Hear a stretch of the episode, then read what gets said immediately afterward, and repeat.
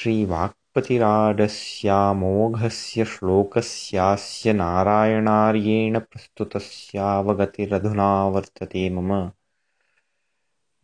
दर्शनात् परं शब्दद्वयस्यार्थयोः शब्दकोशे।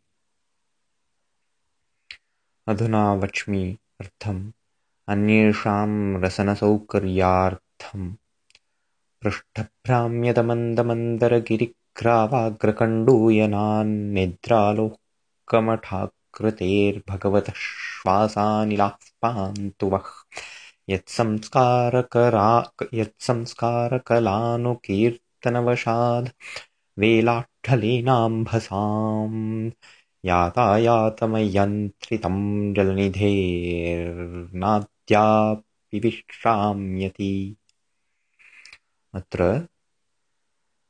ग्रावन् शब्दस्यार्थो भवति ग्रावशब्दस्यार्थो भवति शिला इति प्रस्तरम् इति वा।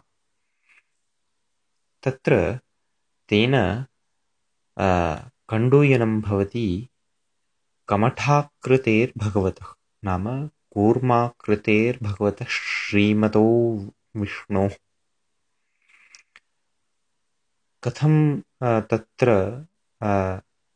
प्रस्तरस्य आविर्भावो जातः तस्य कूर्मावतारस्य पृष्ठतः इति प्रश्ने जाते।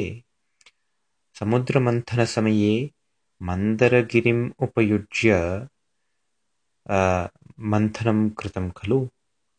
तत्रैव तेनैव तत्र ग्रावा कण्डूयनं जातं तस्य मन्दरगिरेः परिभ्रामणम् अकुर्वन् देवाः तथा दानवाः च। तच्च परिभ्र तच्च भ्रामणम् अमन्दमासीत्। तादृशस्य कूर्माकृतेः विष्णोः न कश्चन क्लेशः अभूत्। केवलं कण्डूयनमभूत्। तन्नाम तस्य माहात्म्यम् अत्र ध्वनितं वर्तते।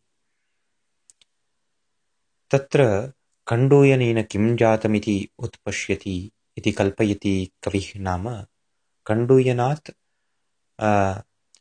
निद्रालुः अभूत् अत्र भगवान् तस्य निद्रालोः विजृम्भणये विजृम्भणं जातं तेन श्वासानिलाः निस्सारिताः स्वीकृताश्च।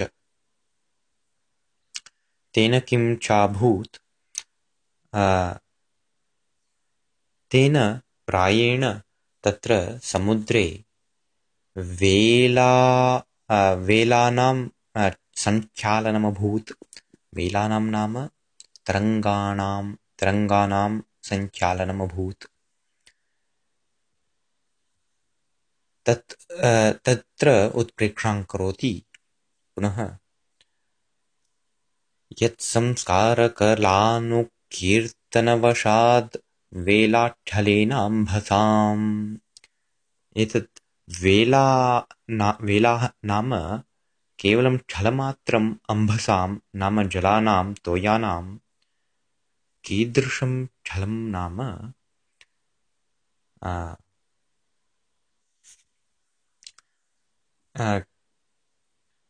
संस्कारकलानुकीर्तनं चिकीर्षद्भिः अम्भोभिः वेलासञ्चालनं कृतमिति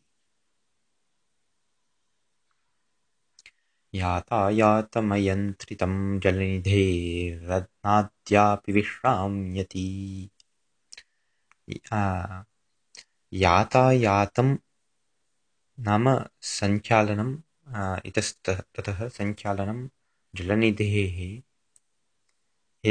तरङ्गात्मकं न अद्यापि विश्राम्यति। नाम अद्यापि संस्कारकलानुकीर्तनं क्रियमाणमस्ति